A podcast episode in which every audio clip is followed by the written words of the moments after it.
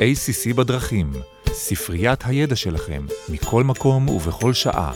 תודה שהצטרפתם אלינו ל-ACC בדרכים, סדרת הפודקאסטים של ה-ACC. ACC הוא ארגון היועצים המשפטיים הפנימיים בישראל.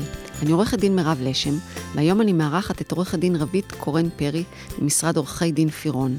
רבית היא שותפה במשרד פירון, ליטיגטורית מסחרית ומתמחה בטיפול בתובנות ייצוגיות, בכל מיני תחומים, צרכנות, שוויון זכויות, ניירות ערך, יש לה התמחות מיוחדת בתחומי הביטוח, ואגב, במהלך השנים היא ייצגה חברות ביטוח בתובנות ייצוגיות מורכבות בתחומי ביטוח, סיעוד ובריאות. כל הידע הזה שהיא צברה בתחום שוויון הזכויות לאנשים בעלי מוגבלות, גרם לנו להתלבש עליה כדי שתפתח לנו את הדלת לעולם הנגישות. באמת שלא היינו צריכים להתלבש, כי רבית שמחה להרים את הכפפה, זה בסדר אם אני אגיד פה בהקלטה, שאפו ענק עלייך, איך בלחצי הרמת את הפודקאסטים, ויש בך.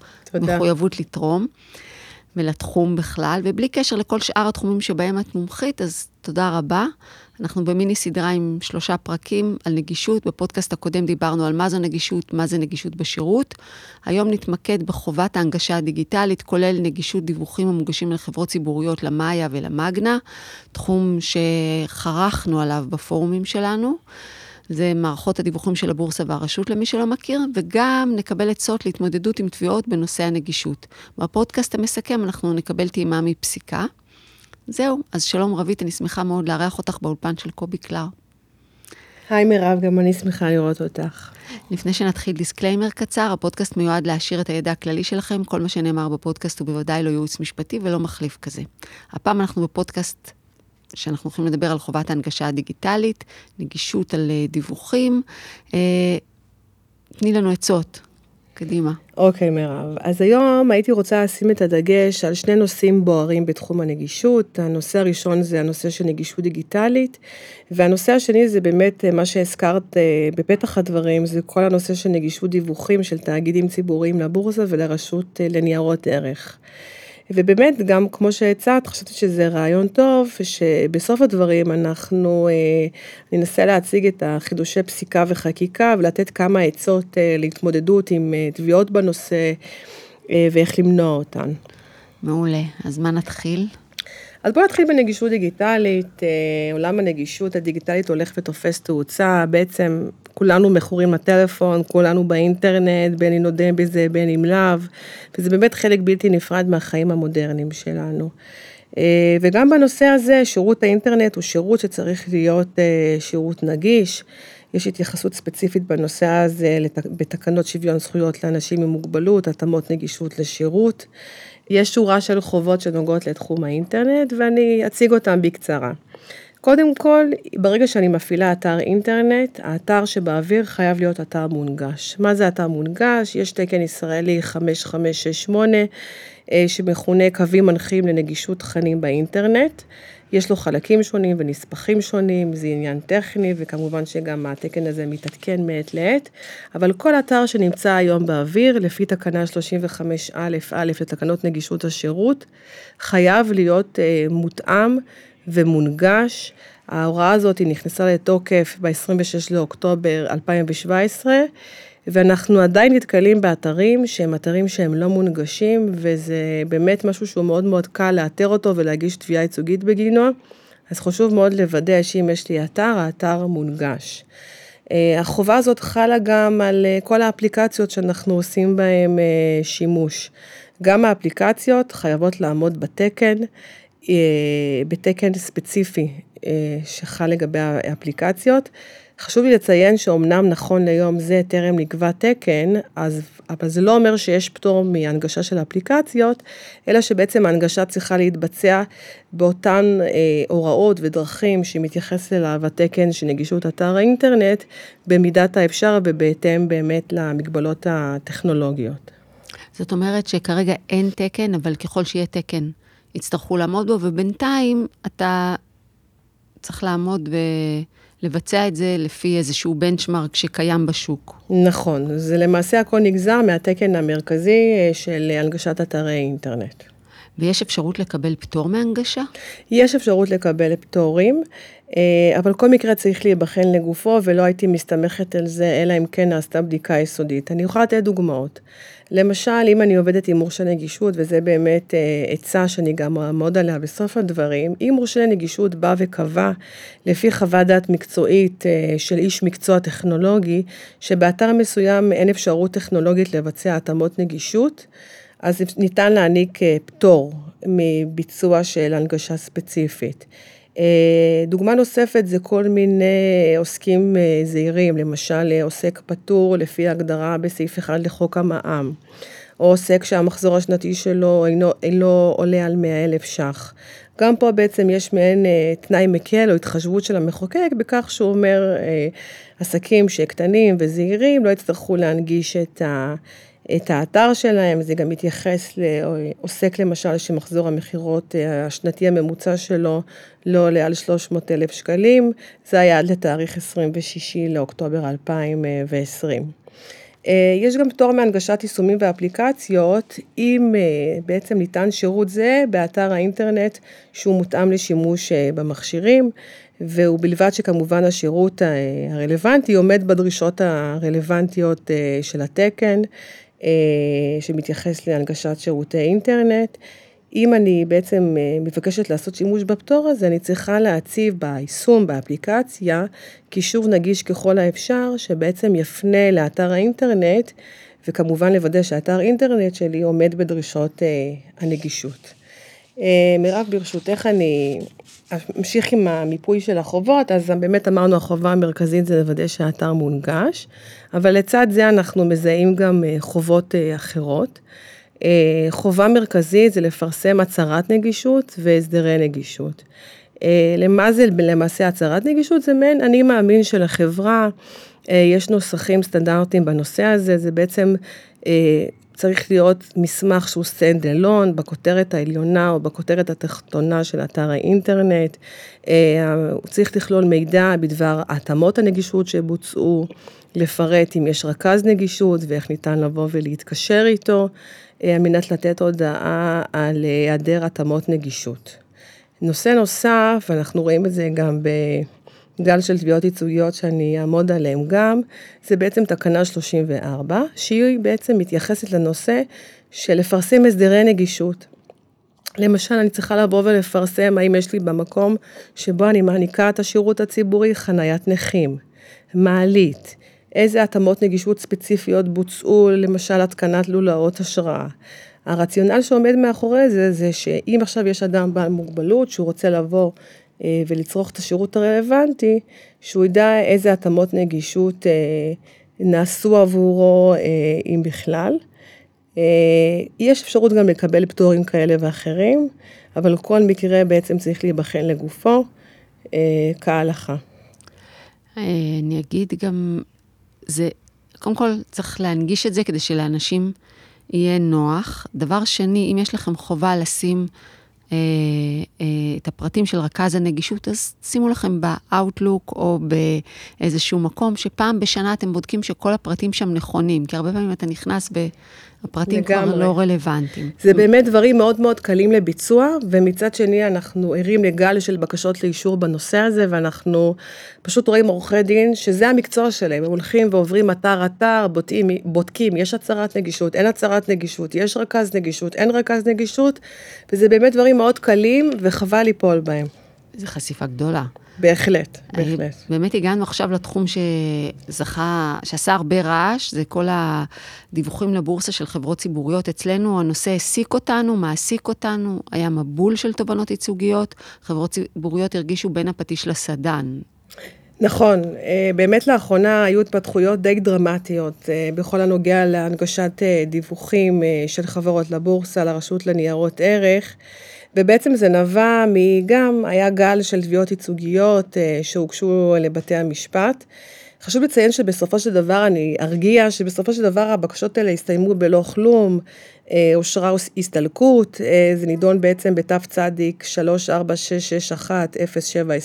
346610721, גם המשרד שלנו היה מעורב בזה באופן מאוד מעמיק בתיקים האלה, ובסופו של דבר הבקשות האלה הסתיימו בהסתלקות. יחד עם זאת, המצב המשפטי השתנה, וחשוב להכיר את זה. בדצמבר האחרון פורסמה העמדה של נציבות שוויון זכויות לאנשים עם מוגבלות בנושא של חובת ההנגשה של דיווחים כספיים באינטרנט. העמדה בעצם עסקה בשאלה המרכזית, האם יש חובה להנגיש את הדיווחים, דיווחים שכולנו מכירים, שואלים לאתר האינטרנט המאגנה או למאיה, ועלו בעצם שלוש מסקנות עיקריות. אה, המסקנה הראשונה הייתה שהדיווחים שמפרסמים תאגידים אה, ציבוריים מדווחים, הם מהווים מידע על שירות ציבורי. וכבר למדנו בפרק הקודם, שירות ציבורי מחויב הנגשה. נקודה שנייה שעלתה, ברגע שהדיווחים האלה עולים למאגנה או למאיה, הם חייבים להיות מונגשים בהתאם לתקנות הנגישות ולתקן האינטרנט הישראלי שהזכרתי קודם. על מי חלה חובת ההנגשה? על מי שבעצם יוצר את התוכן, זה התאגיד הציבורי עצמו. להבדיל, רשות ניירות ערך והבורסה הם למעשה בעלות הפלטפורמה שעל גביה מפורסמים הדיווחים, והן לא עורכות או מפיקות את התכנים, ולכן הן חייבות להנגיש את הפלטפורמה ולספק תשתית נגישה.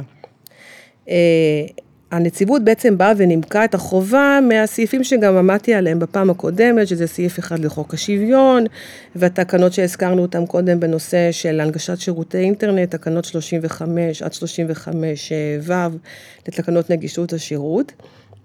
חשוב לדעת שבמסגרת העמדה בעצם נוצרה הבחנה. יש דיווחים שמוגשים באמצעות אה, טפסים אינטראקטיביים מובנים שמצויים במאגנה או במאיה, שאז בעצם אה, נקבע לגביהם שחובת ההנגשה היא חלה על הרשות עצמה. לעומת דיווחים שמוגשים באמצעות אה, צירוף מסמכים אה, שנערכים על ידי התאגידים עצמם. אם מדובר בסוג השני של הדיווחים, אז בעצם חל הכלל הכללי שחל ממילא, שכל מסמך שמועלה לאתר אינטרנט של גוף שמעניק שירות ציבורי, ואנחנו למדנו גם ששירות פיננסי הוא בהחלט שירות אה, ציבורי, חייב למעשה להיות מונגש. אה, והחובה הזאת היא חלה מ-26 לאוקטובר 2017. אז לכן אנחנו צריכים לבוא ולהיות ערים לכך, שאם אני עכשיו כגוף שמדווח לרשות או במאיה על אה, פעולה שנעשתה בעסקי התאגיד, חייב שהמסמך יהיה מונגש כהלכה. אה, חשוב לציין שבאמת, כמו שאמרת, היה באמת חוסר בהירות, ולכן הנציבות התחשבה בזה. היא העניקה תקופת היערכות של עמדה על 60 ימים. אה, בשביעי לשלישי 2013, בשביעי לשלישי השנה התפרסמה הודעה נוספת של הנציבות, והיא בעצם הודיעה שהאכיפה אה, בנושא של הנגשת הדיווחים תחול אה, בראשון לאפריל 2023. אם אני מסכמת את הדברים במשפט, אני כיועצת משפטית של חברה מדווחת צריכה לדעת שהחל מאפריל השנה, יש חובה על כל תאגיד מדווח להנגיש את הדיווחים המועלים אה, מכוח העקרונות שקבועים, שקבועים בתקנות אה, נגישות השירות, תקנות 35 עד 35 ו', ולבצע את כל ההתאמות הנגישות הנדרשות. היה גם איזה שלב שרשות ניירות ערך פרסמה עמדה, לא? נכון, מירב, את צודקת, ובדיוק אני ממש מגיעה לזה. אה, אם נדייק, זה פורסם ב-8 לפברואר השנה. הרשות בעצם פרסמה הבהרה מסוימת. אה, היא הבהירה שתאגידים מדווחים יכולים, במקום לבצע את הדיווח המונגש במאגנה, לפסר, לפרסם במאגנה דיווח שהוא לא מונגש, אבל זה לא פטור גורף, עדיין צריך לקיים את הדרישה לדיווח נגיש באמצעות הפנייה בכישורית שתופיע בטופס הדיווח, והיא בעצם תפנה אל דיווח נגיש זהה בתוכן ובמהות ובהכל, שהוא יופיע פשוט באתר של התאגיד המדווח. אה, חשוב אבל להבהיר שהעמדה הזאת היא לא עוסקת בחברות דואליות. שם הנושא למיטב ידיעתי עדיין מצוי בבחינה ועדיין לא פורסם עדכון בנושא. תודה רבה, אני מרגישה שעשינו יחד אה, שירות חשוב לציבור, ועכשיו הגיע זמן הטיפים בפודקאסט ההמשך, ששם אנחנו נזכור פסיקות חשובות, אבל טיפים.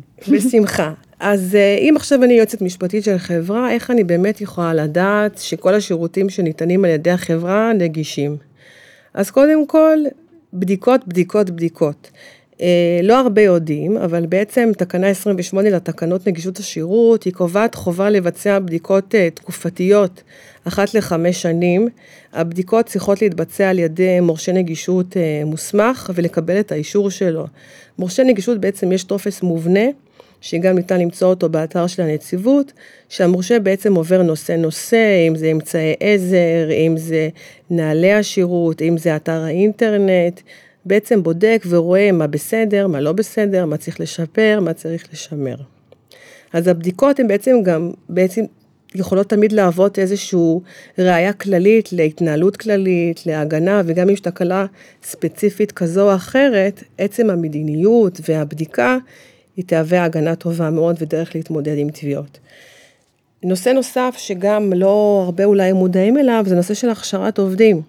תקנות 87 אה, ו-88 לתקנות נגישות השירות קובעות שצריך לידע את צוות העובדים בחובות אה, ולבצע הכשרות והדרכות. למשל, אם אני אפילו משרד עורכי דין ואני מקבלת קהל, צריך לוודא שהמזכירה שמקבלת את הקהל יודעת לבוא ולתת שירות שהוא שירות נגיש, איך צריך לפנות לאדם בעל מוגבלות.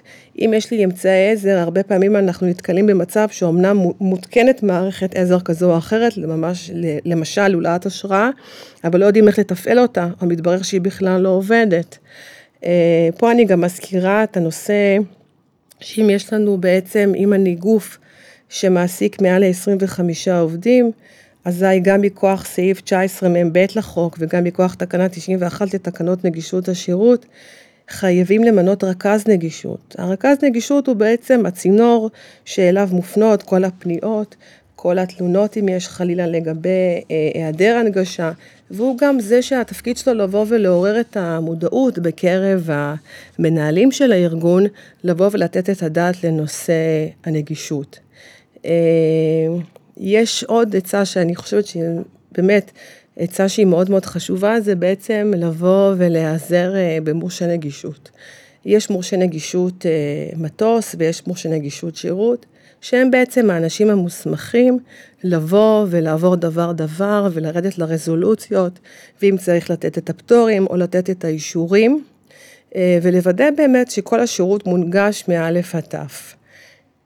והייתי מסיימת גם בנושא שהוא חשוב, שבעצם בתור מעסיק, לוודא שיש ייצוג הולם לאנשים עם מוגבלות במקומות עבודה, אה, לכך מתייחס סעיף 9 לחוק השוויון, אה, שבעצם אה, קובע שאם ראה מעסיק כי בקרב עובדיו אין ביטוי הולם בנסיבות העניין לייצוג של אנשים עם מוגבלות, צריך לפעול לקידום הייצוג ההולם, לרבות באמצעות ביצוע התאמות נדרשות כמובן גם. אני אגיד בקשר לכמה מהעצות שנתת, אנחנו פה... את מכירה, כי את גם בניירות ערך, אז בתחומי ניירות ערך יש אכיפה, בפרטיות יש אכיפה, תוכניות אכיפה, וזה...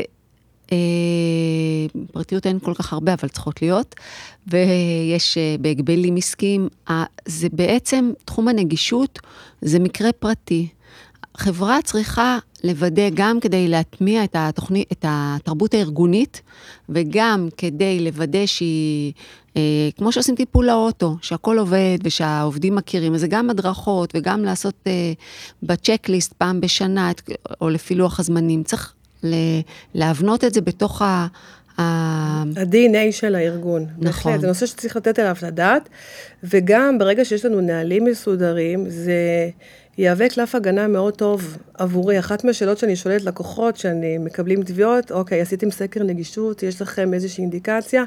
כי בתי המשפט לא עכשיו ילכו ולאשר תביעה ייצוגית על בסיס תקלה נקודתית. אם אנחנו רואים שיש שיטת עבודה ומדיניות, ויש רכז נגישות שאפשר לפנות אליו, גם אם תהיינה תקלות או בעיות כאלה ואחרות, אנחנו נדע להתמודד איתם בצורה טובה מאוד. בדיוק אה, זה, אני, זה בדיוק מה שרציתי להגיד, כי זה באמת בכל תוכניות האכיפה. תעשו את זה ותתעדו את זה. אני רוצה להתייחס לעוד נקודה אחרונה כואבת. דיברת עליה, על הייצוג הולם לאנשים עם מוגבלות. בהחלט. אה, זה, זאת נקודה שבאמת לאנשים, לחברות קשה ליישם אותה. אני אגיד להגנתן של חברות ולטובתם של אנשים עם מוגבלות, שהרבה מהם לא רואים את עצמם עם מוגבלות והם לא באים על הטיקט הזה. ואם יש לך אנשים עם מוגבלות בחברה, אבל אתה לא סופר אותם ככאלה והם לא רוצים להצטייר ככאלה, אז אתה, אז אתה לא עומד בתקן מצד נכון. אחד. מצד שני, חברות צריכות לקחת את זה במודעות, ויש אפשרות גם לעודד אנשים בחברה להעסיק אצלם במחלקות, אם לתת תקן בחצי, או, או כל מיני דברים. יש שלל עצות של כוח אדם, אני לא צריכה לתת עצות. מה שכן, אני אומרת, ואני חוזרת לעצה שלך, תתעדו שניסיתם, שראיינתם, כל הדברים האלה ישמשו אתכם אה, בכל, גם מפני חשיפות, וזה גם יעזור.